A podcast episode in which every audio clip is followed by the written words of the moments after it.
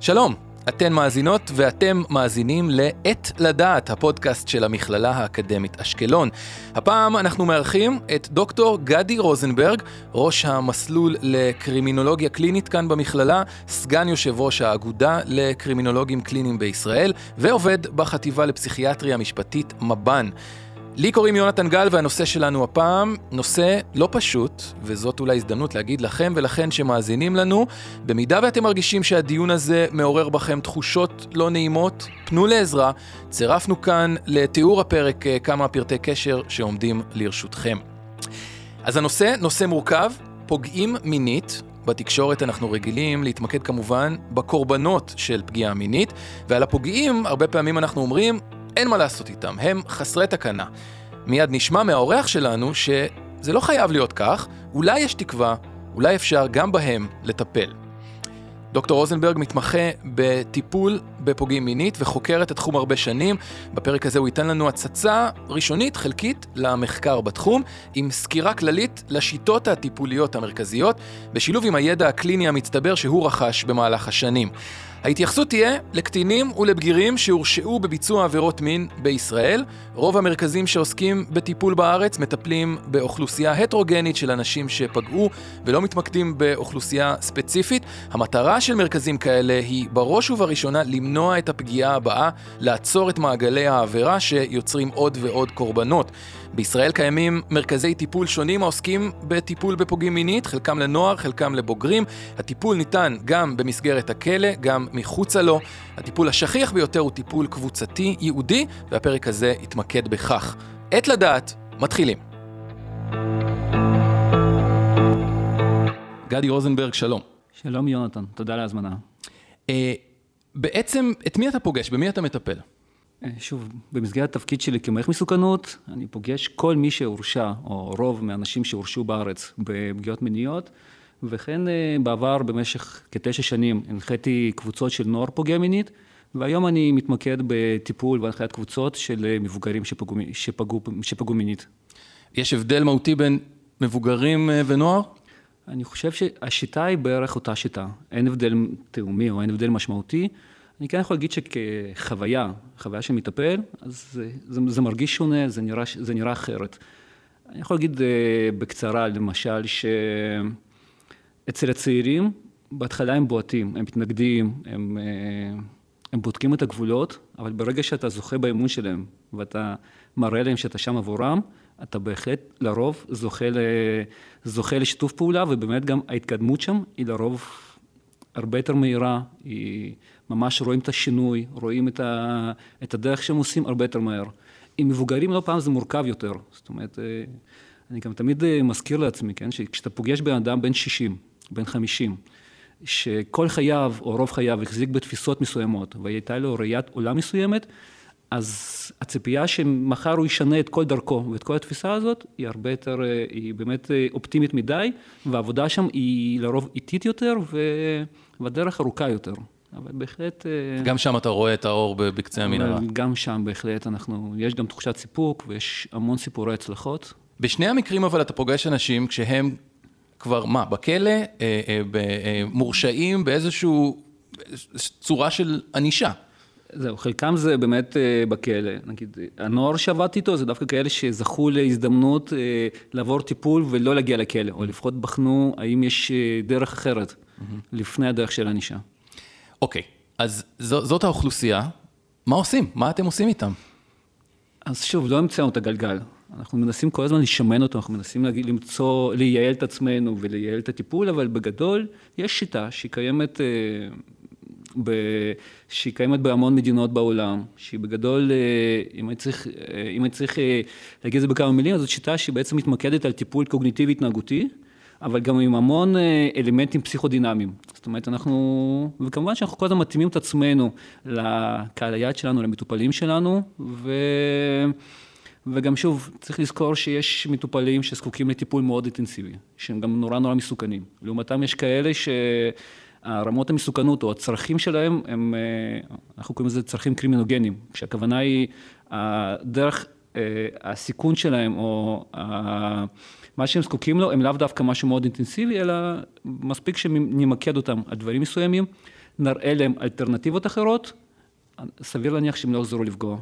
אז שוב, זה מבוסס על, זה מבוסס על מספר מודלים, אחד מהם זה RNR, שזה בעצם התאמה של צרכים של הפרט לאינטנסיבי של הטיפול, השני זה מודל ה-good life model, שזה בעצם מודל של, שבעצם ההיגיון שממנו המודל הזה נולד, אומר שאנשים עוברים על גבולות של אדם אחר או פוגעים, מתוך, מכיוון שהם לא מוצאים דרך אחרת לספק את הצרכים שלהם, ואם נראה להם או נמצא יחד איתם את הדרך להגיע לאותם הצרכים שלהם בדרך אחרת, הם סביר, סביר להניח יפסיקו לפגוע, וגם אנחנו מתמקדים המון על מעגל אווירה, שזה באמת לזהות את התחנות שעליהן הם דילגו, או בהן הם השתמשו, כדי בסופו של דבר להגיע לפגיעה. Mm-hmm. אז אלה הדברים המרכזיים שבהם אנחנו מתמקדים בדרך, אה, אה, כשאנחנו מטפלים באוכלוסייה הזאת.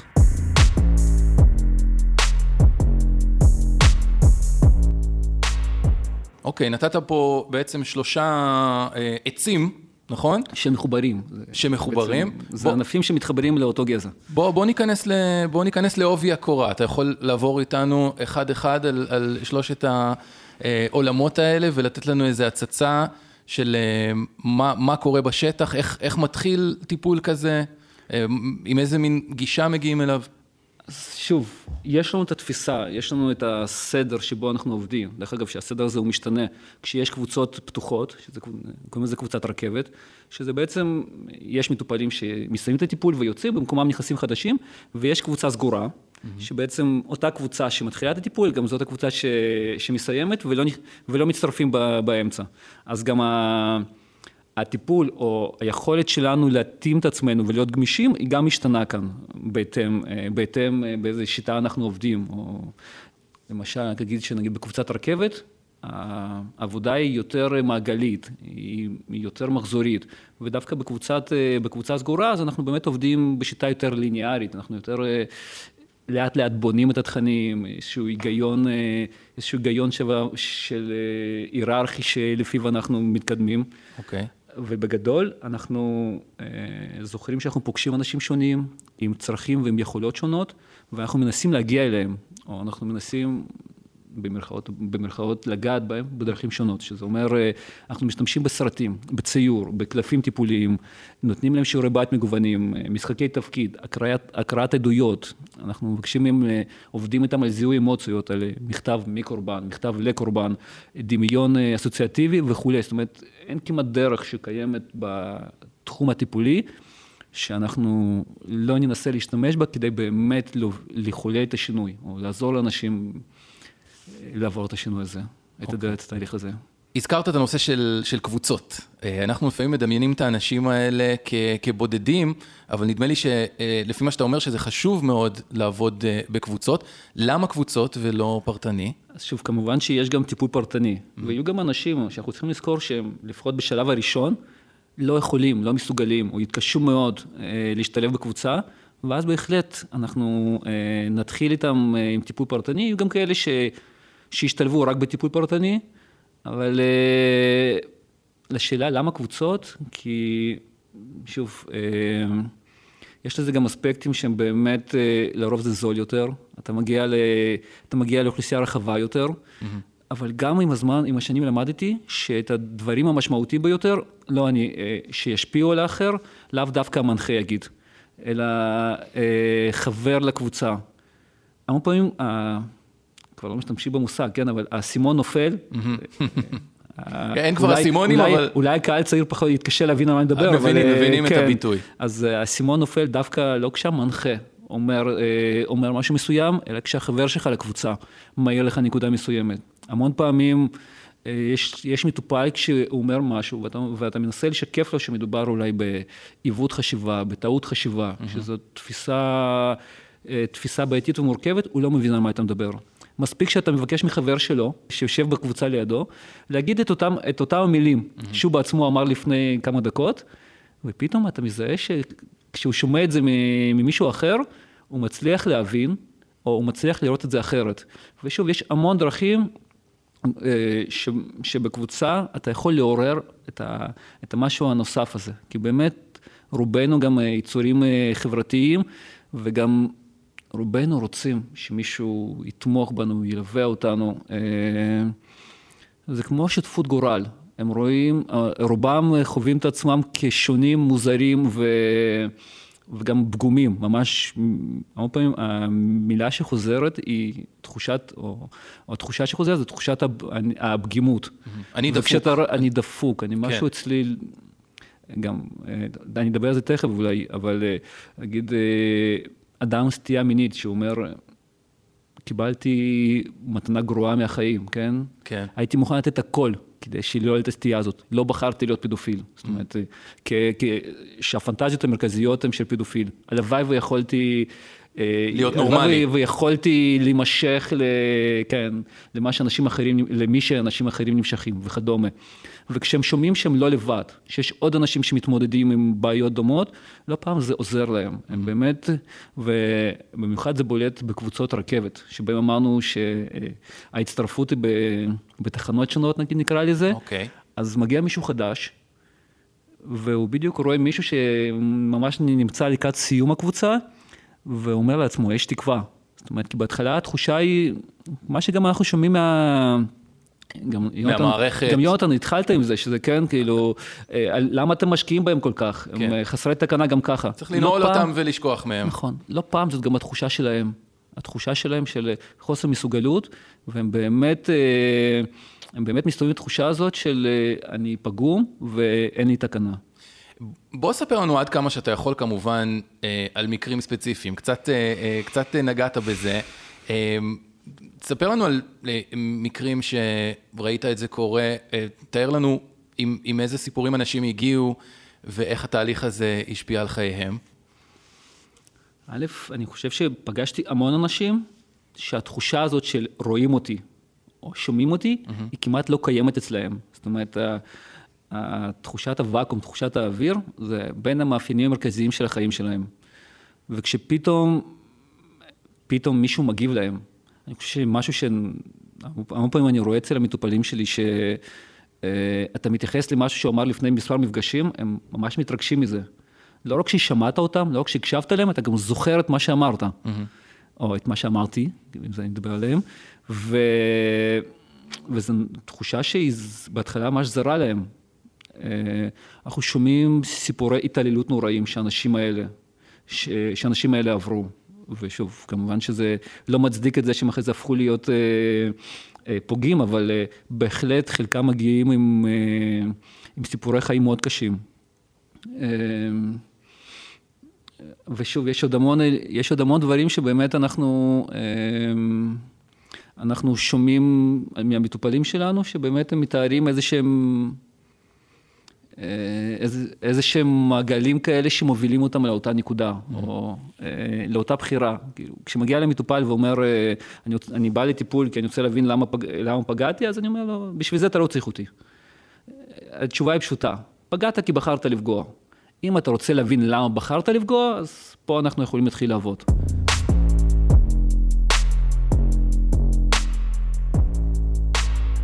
זה ברור שנדרשת מהמטפלים גישה מאוד מאוד אה, אה, לא שיפוטית וכמויות של אה, אמפתיה שהרבה אנשים באוכלוסייה אולי יתקשו, ל, יתקשו לגייס אמפתיה כזאתי. כשאנחנו יודעים מה, מה הסיפורים. אבל אני כן אכניס, אותך לפינה, ת, תספר לנו על מקרה, מקרה שעולה לך בראש, מקרה, בוא, בוא נתחיל עם מקרה מוצלח. עם מקרה שהתחיל עם סיפור קשה, אה, אבל האור בקצה המנהרה שתיארת קודם, אה, אה, הגעתם אליו במידה רבה. ספר לנו סיפור כזה. אני יכול לחשוב על מטופל שפגע בילדים, בנים, ולקח לו המון זמן, קודם כל להודות בפני עצמו, שעיקר משיכתו היא, היא, היא, היא לזכרים בעצם, היא לא לנשים, זה התנגש לו עם המון תפיסות אה, שהוא נולד וגדל איתן. זאת אומרת, בא מרקע מסורתי אה, יותר, נכון. שבעצם הנטייה היא, היא פסולה, והבושה שמתלווה אליה, כן. אז זה דבר ראשון שצריך uh, לעבור אותו. אכן, וכשהוא הבין שבעצם אה, אה, מה שהוא חיפש אצל הילדים, זה לאו דווקא את הגיל הצעיר שלהם, אלא זו הייתה אוכלוסייה שהייתה נגישה לו יותר ויותר קלה אה, לניצול, אז את זה הוא ניצל. ולאחר מכן פגשתי אותו, מנהל חיים מוצלחים. הוא שוב, הוא החליט לצאת מהארון, הוא התמודד עם המון קשיים מול משפחתו, מול סביבתו, אבל כשהוא עשה את כל זה, אז פגשתי אותו וראיתי אדם שהוא מאושר במקום שנמצא בו היום. Mm-hmm. אז שוב, אין לנו שום מטרה להוציא אנשים מהארון, או, מהארון, או להפך, אבל uh, המטרה שלנו ש... ששוב גם, uh, אומרים לי, זה נורא קשה לנסח uh, את המטרה הטיפולית. לא, המטרה היא פשוטה. אנחנו לא רוצים שהם, יחז... uh, שהם יחזרו לפגוע שוב. Uh, זאת המטרה, שלא יהיו, שהאנשים האלה שמגיעים אלינו, שהם לא יפגעו שוב. הדרך לשם היא כמובן אה, אה, יכולה להיות ארוכה, ו... אבל בסופו של דבר לשם אנחנו מכוונים. ואם על הדרך אנחנו גם נצליח לגרום להם לתחושה טובה יותר, לחיים טובים יותר, אז כמובן שזה רווח עצום. Mm-hmm. ו... אז זה שוב, זה, תיארתי מקרה ספציפי, אבל אני בהחלט עולים לי לא מעט שמות של אנשים שלמדו על עצמם, זיהו כל מיני דברים ש... הניעו אותם בעבר למקומות אה, בעייתיים, למקומות חשוכים, mm-hmm. שגם בסופו של דבר גם הובילו לאותה החלטה לפגוע. ואתה יכול לתאר מקרה שלמדת ממנו, מקרה ש...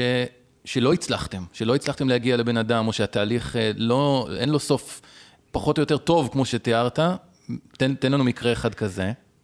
רגע, אני אקח אוויר. כן, זה... כי זה קשה, אתה רואה זה... בזה כישלון אה, ש... שלך, או... זה בעיקר מתסכל. כן. זה... אני, אני אחסוך גם את התיאור של כמה אנרגיה מושקע בטיפול הזה. שנים? כמה הכנות הוא דורש. התהליך הלמידה, שהוא לפחות אה, מב"ן, שזו חטיבה לפסיכיאטריה משפטית, שבה, אה, שבה זה אחד המקומות שבהם אני עובד, עד שאתה מקבל את הזכות, ואני מדגיש את המילה זכות, לטפל באנשים אחרים, זה שנים. שנים של הכשרות, שנים של צפייה באחרים וכולי. כי אנחנו גם באמת אה, מגיעים לזה עם איזושהי אה, זהירות, או איזושהי יראת, אה, יראת כבוד, יראת קודש אפילו, אני יכול אולי לקרוא לזה, כי אנחנו מבינים מה מוטל על כף המאזניים, אנחנו מבינים... תסביר לי את הנקודה הזאת, בגלל, בגלל החומרה של, ה, של, ה, של העבירות שלהם, כאילו? זה... שוב, זה פשוט בסופו של דבר, כמובן שבסופו של דבר הבחירה היא של המטופל או של האדם. אבל אם אתה הצלחת אה, למנוע את, ה, את הקורבן הבא, אז זאת כמובן תחושת סיפוק מטורפת. אוקיי. Okay. וכשאתה לא הצלחת, או בסופו של דבר אה, אה, המטופל שלך חזר לפגוע, אז התחושת תסכול היא מאוד חזקה. אז אני יכול כן לספר על מישהו שטיפלתי בו, באמת היה מטופל קשה. באמת אתגר אותנו לאורך כל הדרך. אה, שטיפלתי בו במסגרת, אה, אה, זה, זה נער, שטיפלתי בו במסגרת שירות מבחן, או בעצם עמותה שעסקה בזה, זה עמותת עלם, שהיא זאת שנתנה את השירות הזה לשירות מבחן. ו... והשקענו המון אנרגיה, והיו המון קשיים עם הנער הזה. ובאיזשהו שלב גילינו שגם בזמן הטיפול, כשהוא לא נמצא באותו, אני אזהר, לא לחשוף אותו, באותו מקום שהיה אמור להיות בו, הוא המשיך לפגוע. זאת אומרת, בזמן הטיפול, אה, במהלך אותם השנה וחצי פלוס שהוא היה אצלנו, אנחנו יודעים על לפחות עוד כמה פעמים שבמהלכם הוא המשיך לפגוע ופגע באחותו. Mm-hmm. אז אה, כשנודע לנו על כך, זה היה נורא מטלטל. כשנודע לי על כך, זה היה, באמת הייתה, התחושות היו מאוד קשות. ואז אני, ואז באחד הימים אני מגיע לעבודה שלי בכלא, באותה חטיבה לפסיכיאטריה המשפטית, ואני פוגש אותו שם. זאת אומרת, הוא כבר הגיע אלינו כבוגר, כמובן שאני לא, אה, אה, כמובן שלא, אני לא עשיתי לו הערכת מסוכנות, אני גם לא זה שהמשכתי לטפל בו, אבל אה, בהחלט אני יכול להגיד שזה אתגר אותי מהמון, מהמון כיוונים, התחושות היו מאוד קשות. זה מייאש קצת. אתה מעלה סימני שאלה, גדולים כן, לגבי... אולי אותם הדברים שאיתם התחלנו, כן. האם יש תקנה, האם אותה אנרגיה, אותם הכוחות שאתה משקיע משהו מסוים, באמת מוביל לאותן התוצאות שאנחנו מצפים. אם זה אפשרי בכלל. שוב, למזלי, אז יש המון גם סיפורי הצלחה שגם הצליחו לאזן לי את אוקיי. אותן התחושות, אבל בהחלט זאת חוויה לא פשוטה. זה מוביל לשאלה קשה אה, נוספת של האם יש אנשים שמההתחלה אתה יודע להגיד שהם לא מתאימים, שאי אפשר אה, לעבוד איתם. אז יש שתי אוכלוסיות כאלה, אה, יש עוד, אבל כאילו, המשמעותיות שאני יכול כרגע לדבר עליהן, אה, זה אנשים עם אישיות פסיכופתית, ואנשים עם, אה, עם הפרעה, עם הפרעה של, של סטייה מינית, של סדיזם מיני. לגבי הקבוצה הראשונה, לגבי הפסיכופטים, בעבר המסקנה הייתה די ברורה. הם לא מתאימים לטיפול נקודה, ובשנים האחרונות דווקא אנחנו כן רואים שעולות יותר סימני שאלה, יש מחקרים ו... וחוקרים שדווקא טוענים שהם כן מצליחים אה, לחולל שם איזשהו שינוי. בטכניקות אחרות? אמ, יש כאלה שידברו על, שוב, זה פשוט... זה כן, זה נושא הסתעפות, זה, אבל, כן, אבל זה אה, מסקרן. בטכניקות אחרות, או אה, בשיטה קצת שונה. אה, אבל בגדול אתה אומר אבל, ש... והם טוענים שכן, יש גם, סיפ... יש גם הצלחות. Mm-hmm. אפשר להתווכח האם זה באמת הצלחות? אפשר להתווכח אה, לגבי האחוזים של ההצלחה הזאת. כן, גם תמיד זאת שאלה, מה זה הצלחה, mm-hmm. ואיך היא נמדדת. אז שוב, זאת קבוצה שכן לגביה יש, אה, יש ויכוח, ויכוח מאוד ער ומאוד חשוב גם okay. אוקיי. בקרב אנשי מקצוע. והקבוצה השנייה היא של, של סדיסטים מיניים, mm-hmm. שזה בעצם אנשים שמפיקים הנאה מינית מלגרום לסבל ולהשפיל את האחר, ושם עדיין יש תמימות דעים שאנחנו, הם לא מתאימים לטיפול. כי אי אפשר אומרת, להפנות אותם ל- ל- למשהו אחר. זה יותר מורכב. אוקיי. Okay. תחשוב שנגיד, אתה נכנס לטיפ... האדם הזה משתלב בטיפול, והוא שומע, אה, שומע אה, את הפגיעות של האחרים. זאת אומרת, כל אחד מספר על מה הוא עשה, איך הוא פגע, איך הוא גרם נזק, איך הוא הרס את, ה, את החיים של האחר, כן? הוא מדבר על, ה, אה, על הנזק שנגרם לקורבן וכולי. עבור אותו אדם, סדיזם מיני, זה כמעט כמו, כמו לשמוע או לצפות בפורנוגרפיה. Mm-hmm. הוא מפיק הנאה, ואומרים זה גם הנאה מינית, מעצם, מעצם זה שהוא שומע את אותה האלימות או אותו הסבל שנגרם מקורבנות. אז אפילו הסיטואציה של קבוצה היא, היא עושה הפוך ממה שקיוויתם שהיא תעשה. לגמרי. זאת אומרת, לפעמים אנחנו אולי אפילו נקבל אדם מסוכן יותר. כי אה, זה גם משהו שלא פעם ניתן לגבי הפסיכופטים. שהם גם לומדים, וגם לגבי סדיסטים מיניים, שכשהם שומעים אחרים, הם גם יכולים או עלולים לשקלל את הפגיעה העתידית שלהם. זאת אומרת, כי עולים כן. להם רעיונות חדשים על איך, איך לפגוע, איך לא להיתפס וכדומה. עד כאן להפעם, בעת לדעת, הפודקאסט של המכללה האקדמית אשקלון. הפיקה אותנו שי קלוט, תודה גם לנופר משה, אני יונתן גל. פרקים נוספים עם חוקרים, מרצים ומומחים מהמכללה תוכלו למצוא בספוטיפיי, אפל פודקאסט ובכל מקום שיש הסכתים. אנחנו מזמינים אתכם להיכנס לעמוד הפייסבוק של המכללה האקדמית אשקלון ולבקר באתר בכתובת aac.ac.il.